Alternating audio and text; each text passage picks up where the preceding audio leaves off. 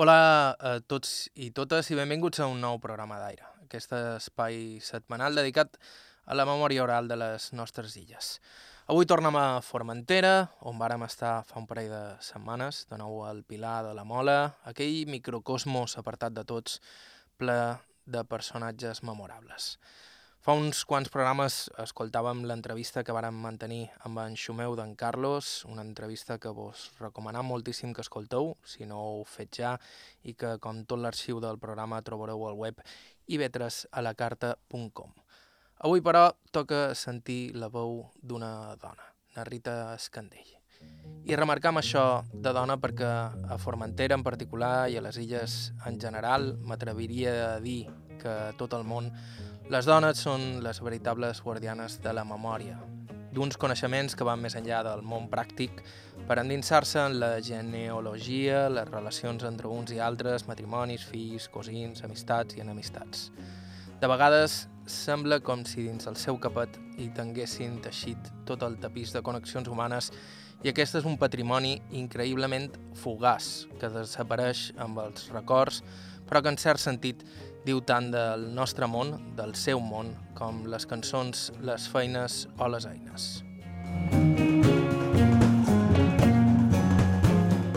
En el programa d'avui viatjarem a través dels records de Narrita Escandell no sols a la seva infància i a la Formentera dels seus temps, sinó també a la Formentera dels seus avis i besavis, en una digressió contínua que ens parla de la diàspora en una illa en què molts, moltíssims dels seus habitants, ja de, de per si poquets, varen haver d'emigrar a Cuba i Argentina per intentar sobreviure. Estau escoltant Aire a IB3 Ràdio, vos parla Joan Cabots, començam.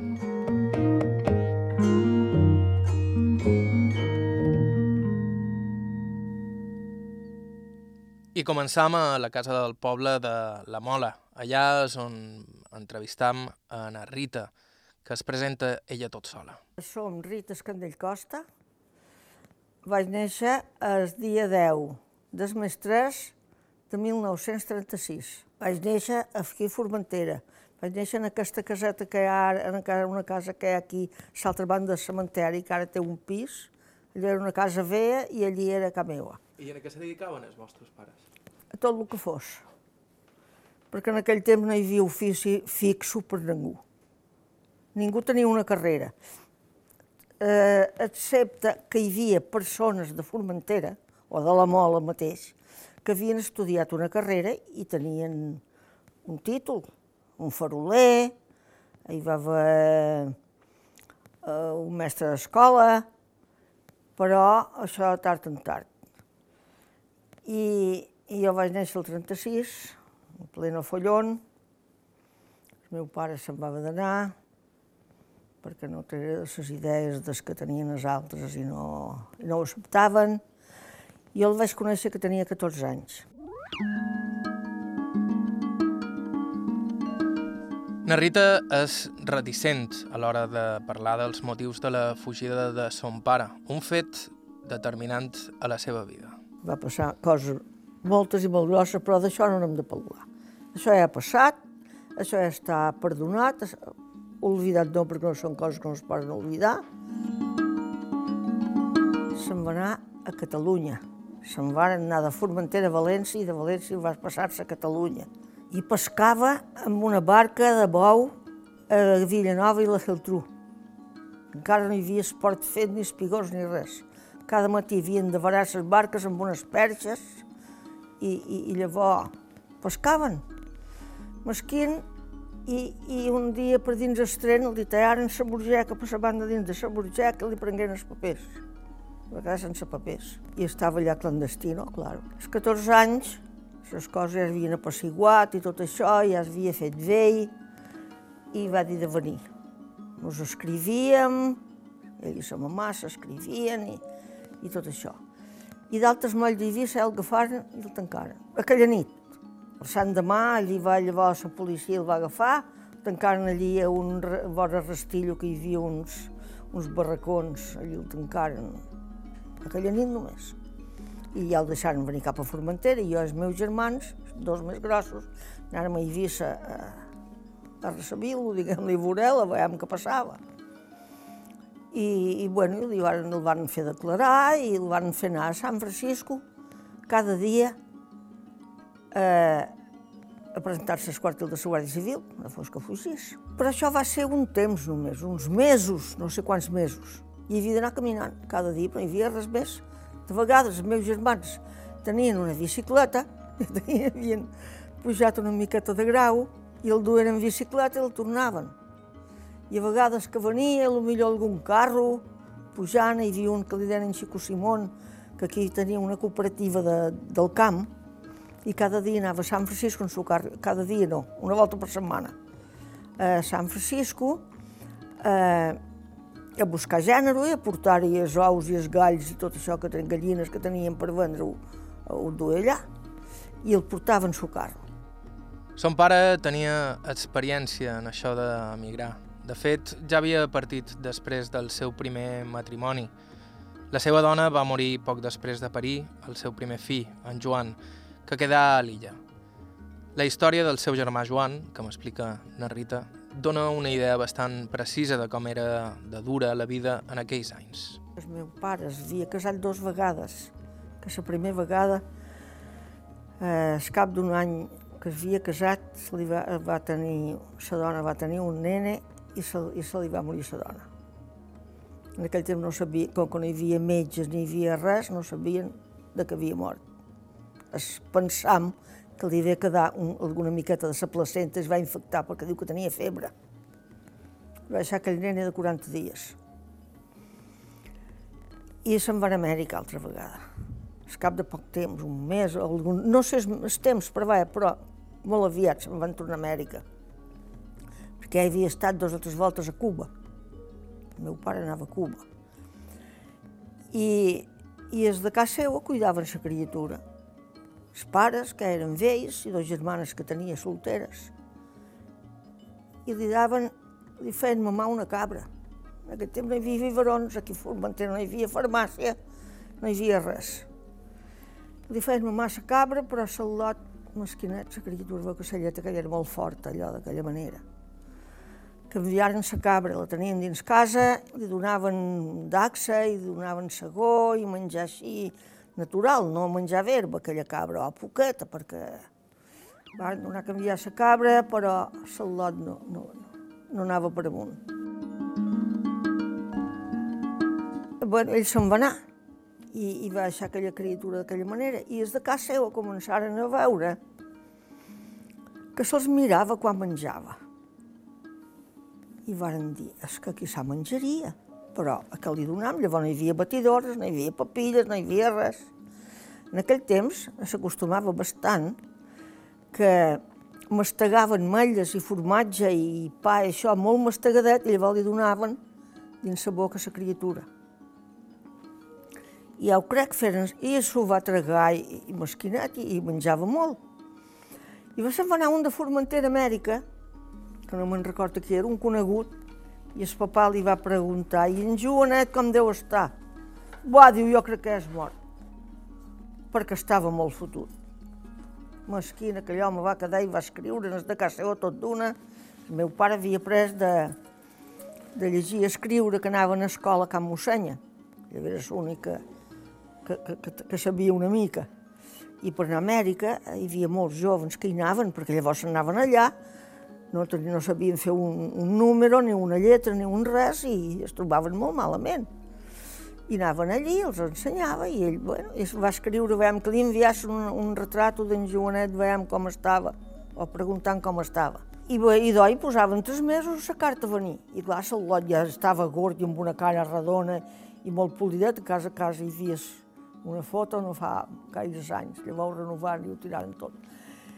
I, i Mesquín va quedar aquell home al cel, perquè bé, va estar uns anys per allà i va portar un, un raconet, un feix de sous, mateix, que hi va estar, jo no me'n recordo els anys que hi devia estar, però sé que va venir llavors i es va casar amb la meva mare, que, que en Joan tenia vuit anys.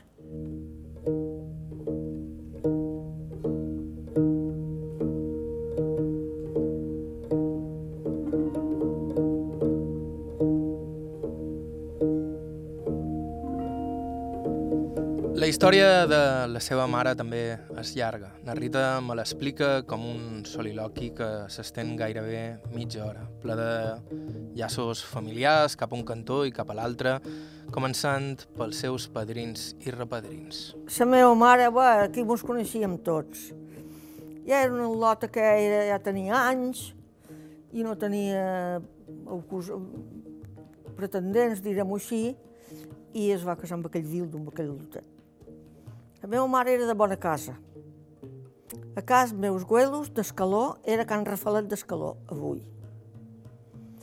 Els meus güelos havien treballat a una pedrera que hi ha a prop de Racó, la pujada, que li deien la, la, carrera, pedrera d'en Costa, feien unes pedres de marès quadrades tan grosses així com a mitja taula d'aquesta, i d'un gruix així.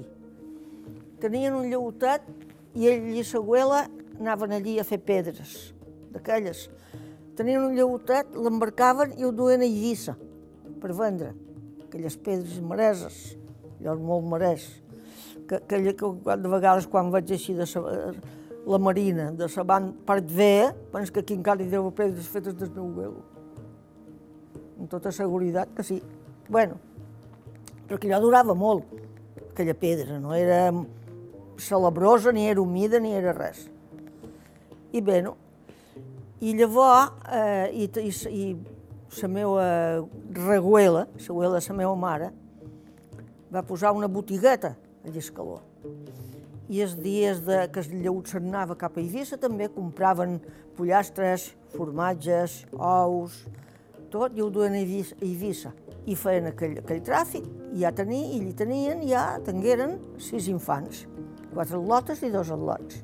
I, I van anar cresquent d'aquella manera, tenien aquell comerç i aquella dona no sabia llegir ni escriure. Es deia Maria Mayans. I el güelo, sa mamà també l'havia conegut en, en el seu güelo. Es deia Vicent Costa, que era aquests costes que hi ha per, per Sant Fernando, Sant Fernando cap a la Mola.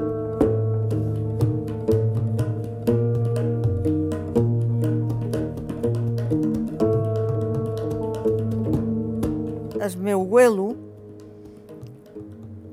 quan ja eh, tenies infants, ja havien nascut tots, se'n va anar a Eivissa un dia en su lleutet i va quedar sitiat a Eivissa, perquè va posar mal temps i no podia venir. I tenia una, una tia que estava casada a Eivissa, un de Formentera que també se'n anava, no sé per què se'n devia anar a viure a Eivissa, perquè ell també era de, de Formentera, de Can Caldos, que li deien Pec Caldos i no tingueren infants. I se'n van allà. I el es va aixecar, va dormir allí, el es va aixecar, diu, ara m'aniré cap a Formentera, diu, i la dona haurà tingut un al·lot, i jo li diré que he comprat una finca. Va comprar sisenda de Can Domingo, que avui allà on tenen terra moll. Bé, i, i, i un gall cantava allí per dalt la paret, que ens endarrere deien que, que era senya de bones notícies, quan un gall cantava al matí prop de casa. I, I va dir això a aquella gent. I va ser va, i ha comprat aquella finca. Era, va comprar mitja, el camí vell de la mola la parteix, la part de dalt, i la part de baix, la part de baix hi havia cases i a l'altra no n'hi havia. I va dir la meva abuela, on trobes que a quina mitja t'agrada més? A quina compram? La d'aquí o la d'allà? Perquè eren totes dos per vendre, aquelles dues mitges finques. I la abuela va dir, fotre, m'agrada més aquesta. I va ser, va comprar allà una estada casa cubana i és molt més bona, més bon terreno, eh, hi havia cases, cases veies, perquè llavors les renovaren. I feren aquelles dues cases que hi ha avui, cobertes de teula, amb, en, en madera de melis vermell, que aquest any canviaren la coberta, aquella gent no sabien el que tocaven si no, no l'haveren tirada i no sé què l'haveren fer. Perquè allò era com això i tenia més de 100 anys. I està igual que el primer dia, les vigues i, i el tablero que posaven llavors damunt.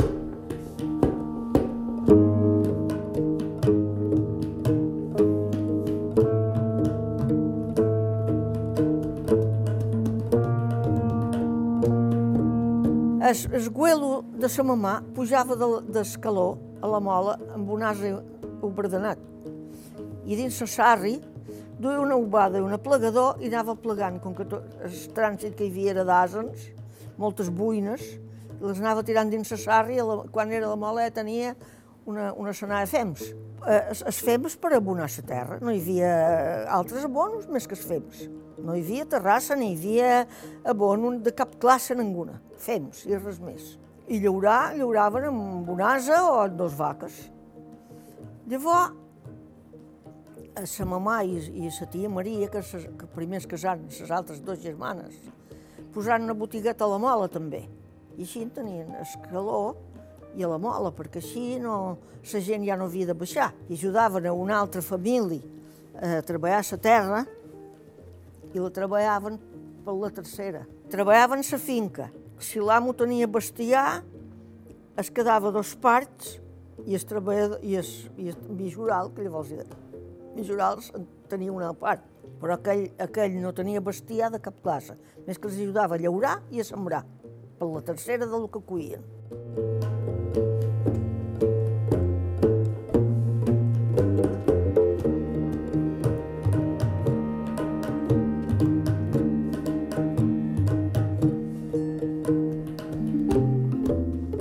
Era Rita Escandell, de la Mola, Formentera, nascuda el 1936.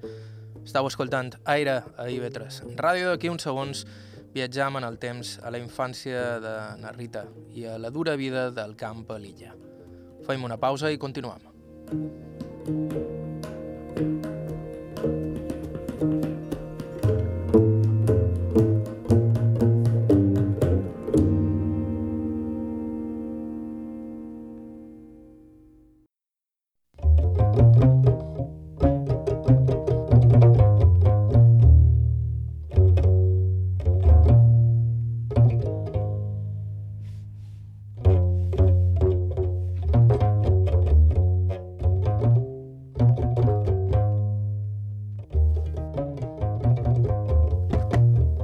Hola de nou, això és Aire a Ivetres Ràdio. En el programa d'avui som a Formentera, a la Mola, escoltant els records de Rita Escandell, 83 anys i nascuda allà mateix. Una Rita Escandell que fa una estona ens ha dibuixat un bocí de la seva genealogia, començant pel seu pare, que va haver de fugir de l'illa amb l'esclat de la Guerra Civil, i acabant per la seva mare, que provenia d'una família que tenia un petit negoci i alguns sous. I aquí érem, nosaltres érem cinc germans, i el més gros, que era en Joan, va dir que, es volia, que tenia gana de casar-se. I va dir, a, can, i a casa meus güelos buscaven un mijoral, perquè es que hi havia se'n volia anar. I sa mamà molta gana de tornar a casa seva. I ell estava en idea d'anar-se'n, però sa mamà va dir no, ja m'ho anirem nosaltres, tu queda a casa. Perquè ell era serep també de Can Joan Mayans. I m'ho anàrem allà i mos ajudàvem i jo tenia 10 anys i darrere cabres i darrere bous i darrere coses d'aquestes i, i estàrem 9 anys. Perquè aquí les dones, la majoria feien feina en el camp. Feina i feina pesada. Elles cavaven llegum, perquè sembrava llegum i es cavava una xadeta, pam, pam, pam, pam, pam, pam, tot el dia. Es sembraven faves, també es cavaven.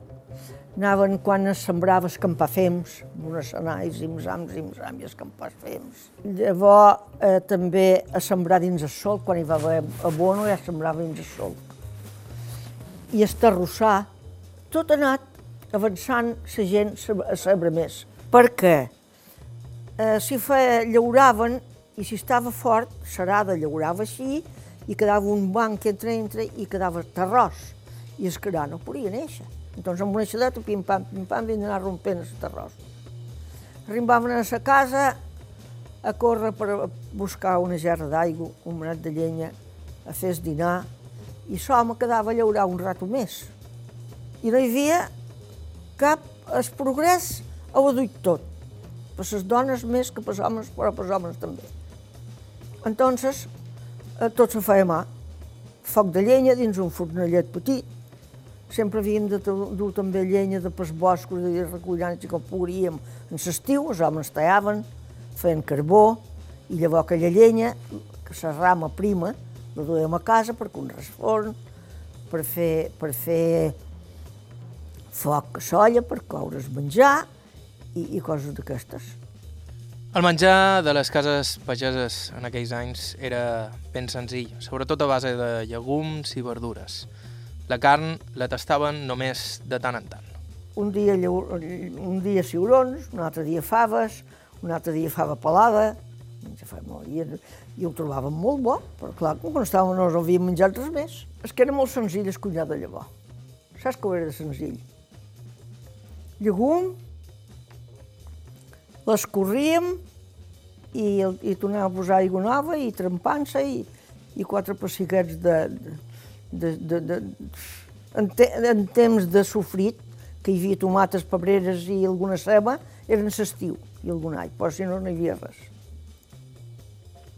Trempar, es trempaven xuer, mira, amb un porquet de sis robes que deien, que era un porc gros, i menjaven tot l'any i trempaven. Oli, se'n comprava alguna mica, però tot anava car. Patates frites no se menjaven ni, ni tres vegades en l'any truita, ni, jo ja sabia fer una, fruita, una truita d'un ou i encara no me'l sabia acabar, perquè havia ser molt poc menjadora. I tampoc no mos menjava, això ho veníem. Es menjar era, mira, eh, arròs no n'hi havia. Llavors, una, quan després del moviment, al cap d'un parell d'anys, ja hi havia per reacció, de vegades, eh, una unça per cap d'arròs, ho duen reaccionat i cada un s'ha a buscar les reaccions. Jo me'n recordo que sa mamà, ja, ja, però això ja era grosseta, perquè el meu germà ja tenia nòvia, que per dia Sant Joan, que ells deia Joan, eh, convidava sa nòvia a dinar. I sa mamà matava una gallina, feia un arròs amb gallina, guardava l'arròs un munt de mesos i aquell dia fèiem un platet d'arròs amb gallina. I aquell d'allò era un lujo, un lujo però gros. I per Nadal també es feia solla de la salsa i, i es menjava una mica de carn de porc bullida, però si no m'ho menjàvem, per, la guardàvem per menjar-me per Nadal, perquè no m'ho menjàvem abantes. Abantes amb una set per hom passàvem a la carn salada. En, en salmorra, el, el porc, molt, molt, molta salada, tapaven de sal i el guardaven dins, es, dins un caixó o dins un llibrell en aquell temps, hi havia unes eines així grosses, de tres llibrells grossos així, per pastar, per pastar la sobrassada, per rentar, eren l'únic que hi havia. I baldes i una gerra per dur aigua del Quinto Pino, perquè sempre miraven que estàs prop d'un camí que et pogués anar aigua de l'avenguda del camí. I millor estaves lluny del camí, i de fet estaves lluny. És a dir, que havíeu d'anar a cercar aigua? Amb una gerreta, al costat aquí, i vinga, i poar mà, amb un altre jarronet, i abocar dins les més gros, poquet, poquet, que no la vessàssim.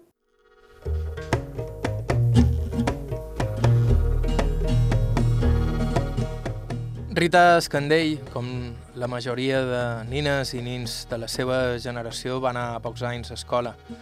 Diu que tampoc se li donava gaire bé, però el motiu per no anar-hi era més bé que les feines a casa i al camp comandaven. Aquí escoles eh, no n'hi havia. Hi havia unes... Es, alquilaren, quan va ser la dictadura, va alquilar dos cases per fer escola, una per saldotes, l'altra per saldotes.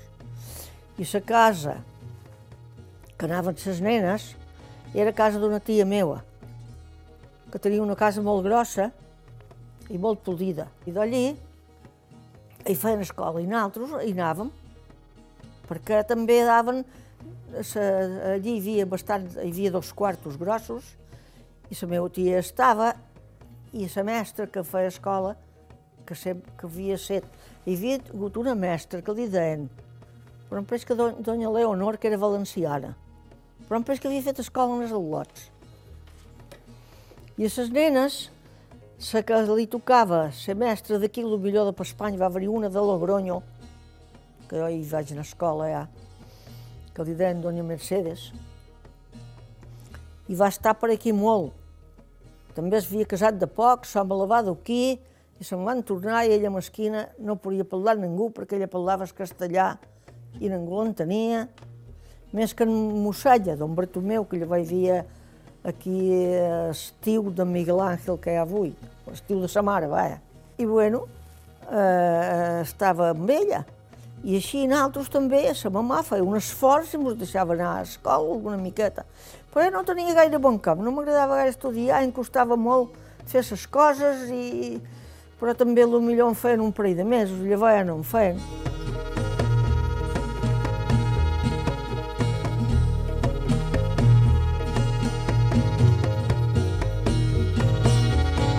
L'escola, doncs, això, ens posaven mostra, que era un carrer de, de... Jo amo a mi mamà, jo amo a mi papà, mi papà me ama, i coses així, nosaltres ho havíem de copiar, baix, i així anàvem fent la pàgina. Llavors, quan sabíem més, que sabíem escriure més, us dictaven, agafaven un llibre i anaven dient, i nosaltres havíem d'escriure com us de la professora. I les uh, matemàtiques igual. Primer números, llavors sumar, llavors restar, va multiplicar i és que sabia dividir, ja sabia molt. I quant de temps hi vareu anar a l'escola? Bueno, jo no me'n record. Alguna mica a cada temporada, perquè també quan teníem molta de feina tampoc no podíem anar, perquè nosaltres començàvem a treballar. A treballar. Llavors, la meva germana era més grossa que jo, la més grossa dels quatre germans. I tenia set anys, i a cuir una olla de faves per quants de casa venien, des terres i em cuidava jo, que era petiteta. Us duem set, nou anys més que us duem, o set, no me'n record. I com que no era obligat, molta gent no hi anava, perquè tenien feina. Hi havia una fotosolada als lots, però uns els grossos cuidaven els petits, els altres cuidaven del bestiar, i de ben petitets ja començàvem a anar a segar així mans en ses mans a tasar bruix d'ordi, de blat i de tot, i a, i a batre, i, hi havia molta feina.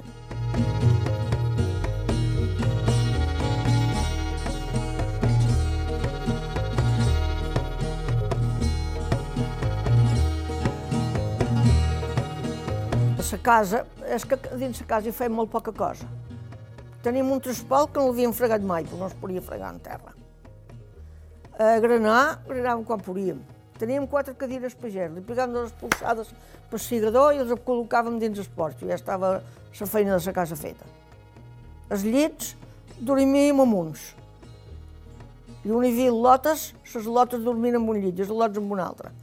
Però allí, nosaltres érem quatre i estàvem dos a cada llit pues mira, si el podíem estendre els tapalls bé, i això quan anàvem i el fem agafar una mica de barra en matalàs, que no mos destapàssim, ja estava fet. Rentar una volta per setmana. Ens canviàvem la roba.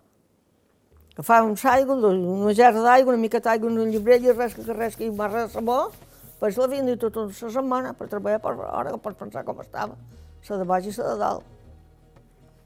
I les pageses, hi havia moltes que les gonelles, i els faldellins més, més nous, que no és de tot dia talment que es posaven un davantal un faldell allò, ho rentaven per tempos. Si era un més curiós o, o volia més, eh, ho rentava més sovint. Jo me'n record que era una joveneta, els meus germans anaven a, a sortir a sol postos i la nit, els diumenges i els dissabtes i això, i es canviaven de roba, i només tenien uns calçons i una camilla per dur. I mentre eren a passejar els rentava la roba pel matí el Sant Demà, i com que era diumenge se'n posaven una altra, però tenien dos mudades, no en tenien més. Les dones sí, perquè ses, se, sempre es mirava, la meva mare, com que havia estat de, de bona casa i do, se m'endú una caixa de roba, gonelles, faldellins, jacs, mantonets, una emprendada, però llavors hi comptaven la dot i els hi descomptaven de la legítima. Li daven un tros de terra i si n'hi havien de dar cada dia, deu tornars i n'hi daven vuit, o una cosa així. Fer roba, de fet, era l'entreteniment, el passatemps per les nits a casa. Les mans, com diu una Rita, no descansaven mai. Més avant, naltros de nits, perquè sol post, tothom se recollia dins casa seva. Enseníem un llumanet amb un bec així i un potet, tenia com un potet que tenia un bec així, així era, diguem-li. Això era espot i això era el bec. I aquí sortia un ble que el fèiem de que compràvem cotó i l'enrotllàvem així, així, així, i fèiem un, un, un ble, que dèiem, i posàvem un regiu de petroli, perquè els farolers venien petroli d'estrapel·lo del faro. Perquè la pagaven una miqueta 10 minuts antes, i la gent de, de, del poble tot, tot anava a comprar petroli. Però també hi havia pocs sous per comprar-ne. I allí filàvem, fèiem calcetins. Nosaltres, sa mamà, no mos va vestir mai de pagesa, que dèiem nosaltres.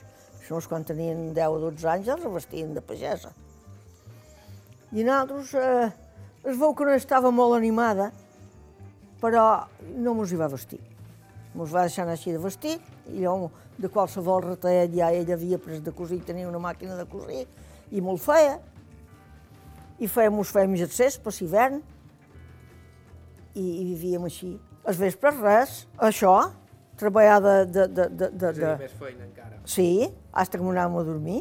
I a vegades, quan teníem la regla, no es podia treballar fora, perquè feia mal. Quedaves a casa, feies menjar, i, i filava i feia calcetins i, i coses així. No, està, no paràvem mai. La meva abuela de can, aquí de Can, de Can Joan Mayans de a ses filles ai, està, vinga, filau, ai, que estan molt cansades. Les mans no se cansen. I quan teníeu la regla no, no sortíeu a fer feina de fora? No, ni m'ho reptàvem, ni, ni, ni, ni, ni, ni res de, de tocar aigua ni de res. Perquè deien que la meva sogra em contava, perquè hi havia, no hi havia metges ni medicines tampoc. Es menjar, déu nhi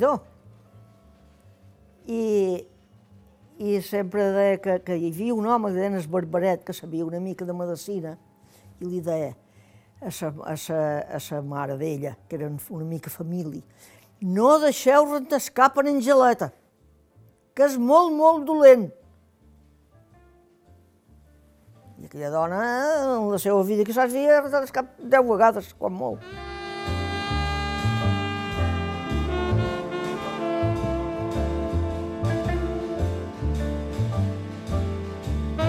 Un dia d'aquests han de parlar d'una altra d'aquelles coses d'un temps que han perdut per sempre més. Les olors devien ser ben curioses.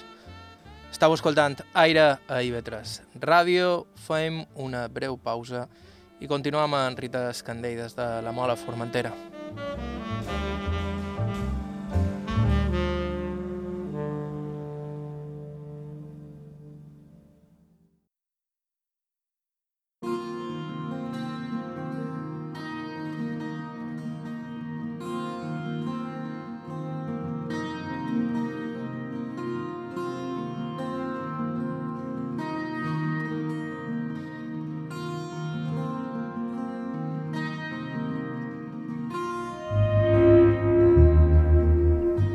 Hola de nou, estàu escoltant Aire, això és IB3 Ràdio. Avui hem estat per la Mola, a Formentera, de la mà de Rita Escandell, a qui vàrem entrevistar fa cosa de quatre setmanes a la casa del poble de la localitat, la nostra base d'operacions els dies que vàrem estar per l'illa fent entrevistes.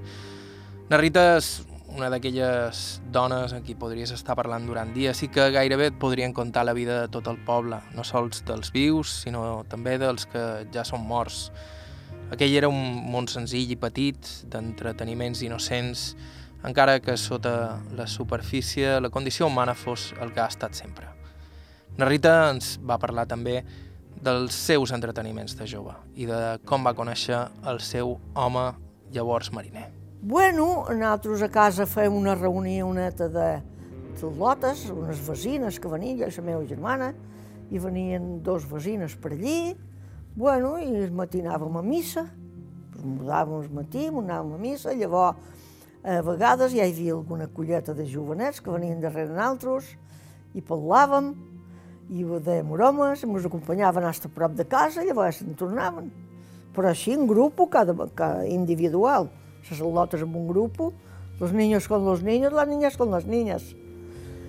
Bé, i llavors diumenges de tarda, llavors va començar a haver comissió que deien que hi havia unes dones que duen uns gercerets de bebè petitets per fer, i nosaltres en fèiem, ens donaven el fil, i ens posàvem a fer gerceret allí, per, estàvem a Casa Cubana, a prop de la carretera, anàvem per allà per darrere una paret i ens assèiem en terra, perquè, o damunt una pedra, perquè no, no hi havia res més.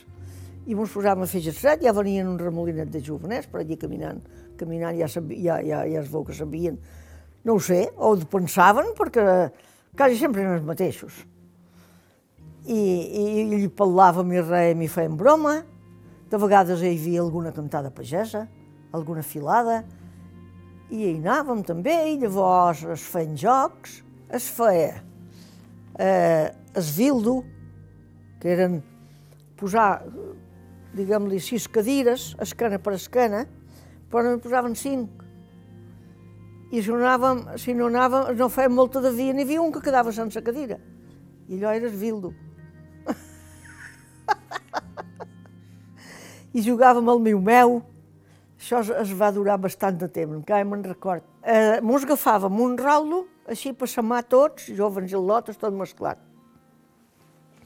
Hi havia un enmig que li tapaven els ulls amb un mocador i tenia un, un fus de filar, que era una cosa tan llarga així, i anava tocant i havia d'endevinar, feia miu, i, se, i, se, i es que l'Aldi contestava, miau, millor, millor, l'hort, o una lot, o un jove en compte d'una lota. Contestar, contestava un dels joves, que hi havia també en Zarraldo, i li feia un, un miu així molt finet perquè es pensava que era una lota i l'havia d'endevinar. Si era el lota, el lota, i sa que, i que ell havia dit.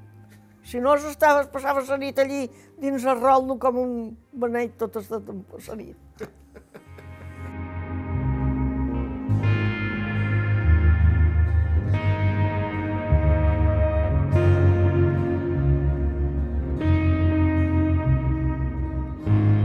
Vos quan, quant de temps vareu festejar? Oh, vuit o nou anys. Vuit anys, m'ha pres. Molts. Molts. Bueno, ells se'n van a navegar també. Va navegar amb Albert Acosta, mariner, i va guanyar, va guanyar per casar-nos, perquè no, aquí no es guanyava res. No hi havia un jornal, ni hi havia res, i ell a casa no tenien, no tenien finca, no tenien terreno, més que molt poc. Com ha comentat, el seu home era mariner en el temps en què festejaven i estava embarcat a la Berta. Ella aprofitava quan la Berta feia escala a Eivissa per anar a veure'l, encara que no fos per saludar i ja. que era Lota, i de vegades me, n'anava a veure l'Eivissa, quan sentia que venia a Eivissa. Eh, En sa barco, en sa, barco que anava, que navegava, eh, la Berta va a Eivissa, però no ho deien de casa, me'n vaig a Eivissa, com que tenia una tia, i dormia, estava a casa d'estiu, la tia m'acompanyava, que un dia me'n record que estàvem a...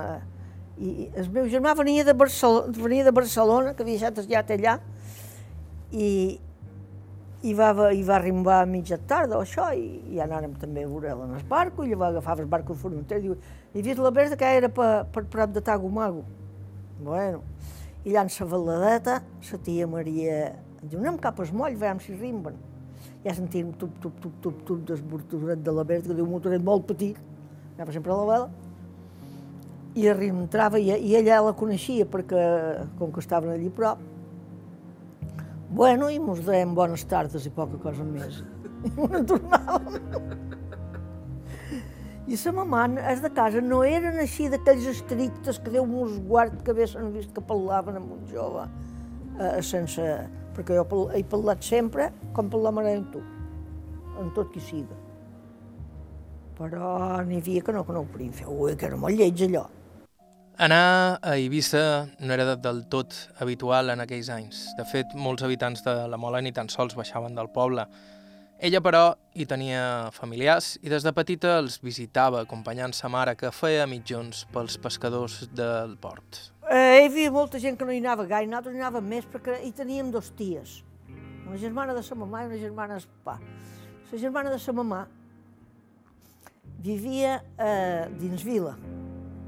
Estava de, del Can Juanito, vaja, hi havia un restaurant i encara hi tenen una caseta, encara és. Bé, no, i anàvem allí i dormíem i estàvem dos dies, no sé que havíem aixecat d'eres. Sa mamà feia molts de calcetins, tot l'estiu, llavors anava a Eivissa, els venia a Can Busquets, Can Busquets sempre era un, i un perllonàs bar de l'Estrella, tenia un carro de baranes i sempre el tenia carregat de calcetins i els pescadors anaven allí a comprar calcetins I sa mamà, per tots sants, deia sempre llavors ja comença a fer fred i els pescadors ja compren calcetins. Anem a Eivissa dur calcetins. I anàvem a veure sa tia i ella venia a la plaça i compràvem un parell de miques, compràvem algun retall de roba, perquè aquí si no encomanàvem no hi havia res, i hem de comanar tot a Eivissa. Llavors ja hi anàvem anant més, perquè hi havia dentista, per aquí el mal de queixal mos matava, però ningú es feia posar una peça, ningú es feia arrencar res. Aguntàvem. I fem uns medicaments i untàvem de, de, de, de, de, de, de coses perquè es desenflamàs, i glopetjant, tampoc no hi havia un sapillo de dents, no et podies fer les dents netes.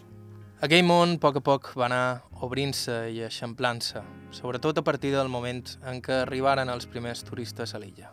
Jo teni, devia tenir 17 o 18 anys, 20, perquè em vaig casar, que tenia 26 anys, i el meu home ja va treballar eh, amb obres, així, per escaló. Però ja feia anys que n'hi havia més per baix de la mola. Però molt poc, molt poc. Si jo, no sé. I de vegades pujaven i nosaltres estàvem, fèiem, batíem allí vora la carretera, Casa Cubana, ja passaven i ens miraven i estaven, s'encantaven en nosaltres. I aquí no hi havia transport de cap classe. Llavors Joan Pae va començar d'un camió que el havien de dos pentes, de vegades el havien d'espitjar, perquè no el podia fer encendre al matí, hasta que era Bar de Vall, allí on, allí on comença la Bar de Vall, de la carretera a la Mola, la carretera, hi havia dos carrils així, i l'altre eren tot pedres, però una pedra vora l'altra, una vora l'altra així.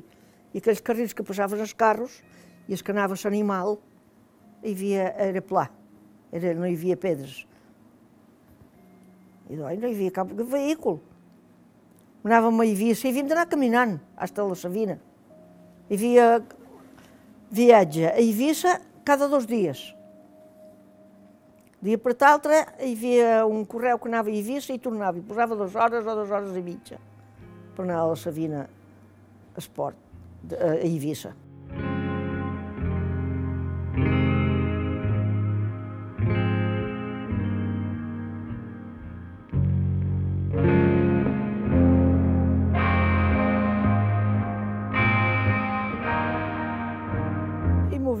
Movíem poc, també.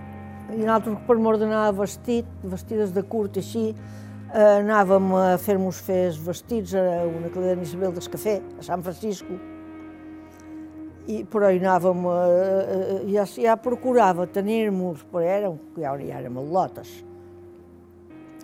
Eh, mos tallava, mos prenia les medides, i mos tallava i mos embastava i mos aprovava.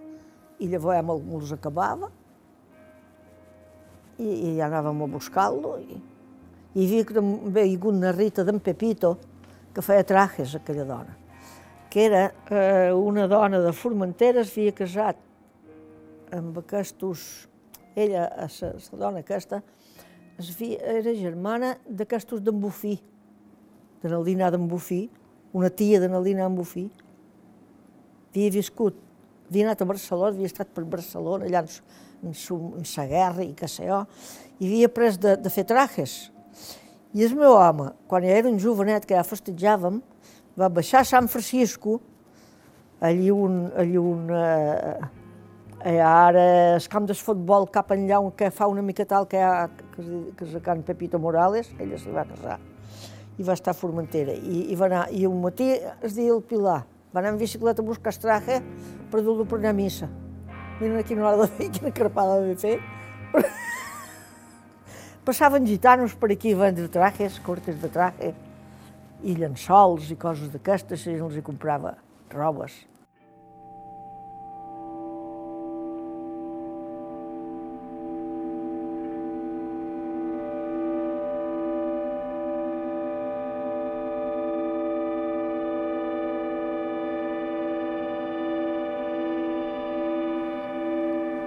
Com ha explicat al principi del programa, la Rita Escandell tenia 14 anys quan va conèixer son pare, que va viure tots aquells anys lluny de Formentera, mitja en clandestinitat, degut a la Guerra Civil.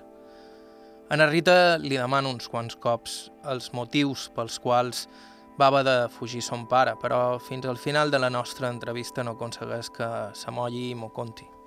Si vareu sentir l'entrevista que vàrem fer-li a Xumeu d'en Carlos, també de la Mola, fa unes setmanes, deguéreu escoltar la història. Uns quants del poble, amb l'esclat de la guerra, varen ocupar l'església del poble, cremant les figures, i tots ells varen haver de fugir per por a les represàlies un cop l'illa va caure en mans del bàndol nacional. Si l'ú de l'església, no, ell no hi va participar. Ell eh, tenia una sitja, es Pedregà, que deien que un altre Campet Simón, que era aquella finca de Mijoral. I el meu germà més gros ja era un jovenet.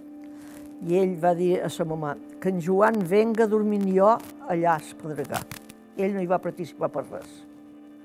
Ell no tenia cap, cap taca de cap cosa, el que tenia unes altres idees. No, perquè sé que hi va haver gent que hi va participar que va de fugir de cap a les Sí, sí, sí, sí, també, que, que ells havien set més, més, més extremistes.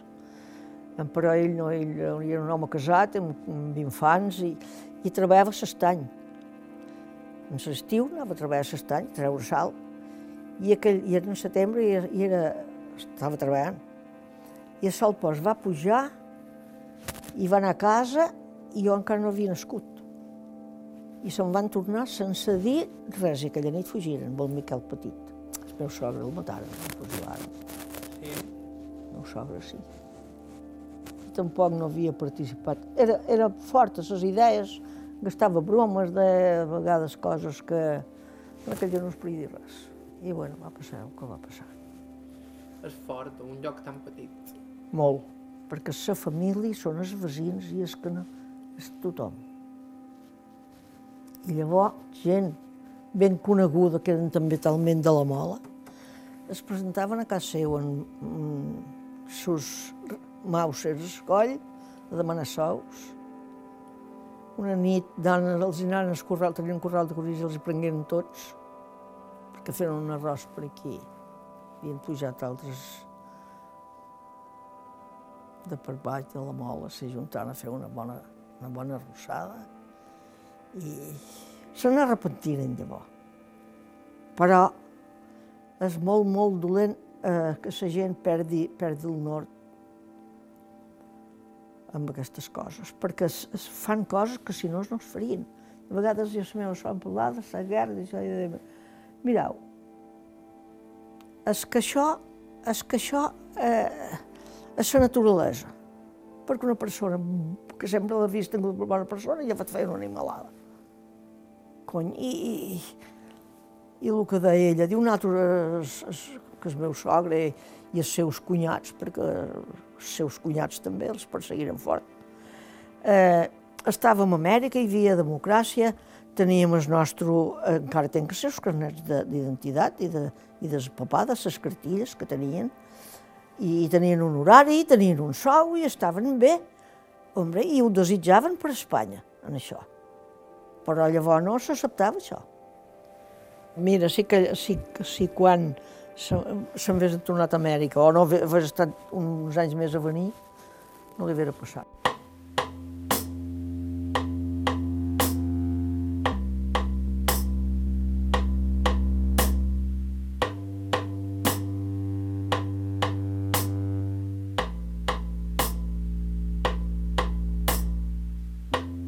I fins aquí el nostre programa d'avui. Gràcies a Rita Escandell pel seu temps i la seva amabilitat i gràcies de nou a Manolo Olla i a la Casa del Poble de la Mola per acollir-nos i tractar-nos tan bé aquells dies per Formentera. Ja sabeu que si ens voleu proposar alguna entrevista ho podeu fer enviant-nos un correu a aire.ivetresradio.com i que també ens podeu seguir i comunicar-vos amb nosaltres a Facebook i Instagram. Si vos voleu subscriure al podcast del programa ens trobareu a iTunes i demets serveis similars. L'arxiu complet del programa el teniu a ivetresalacarta.com.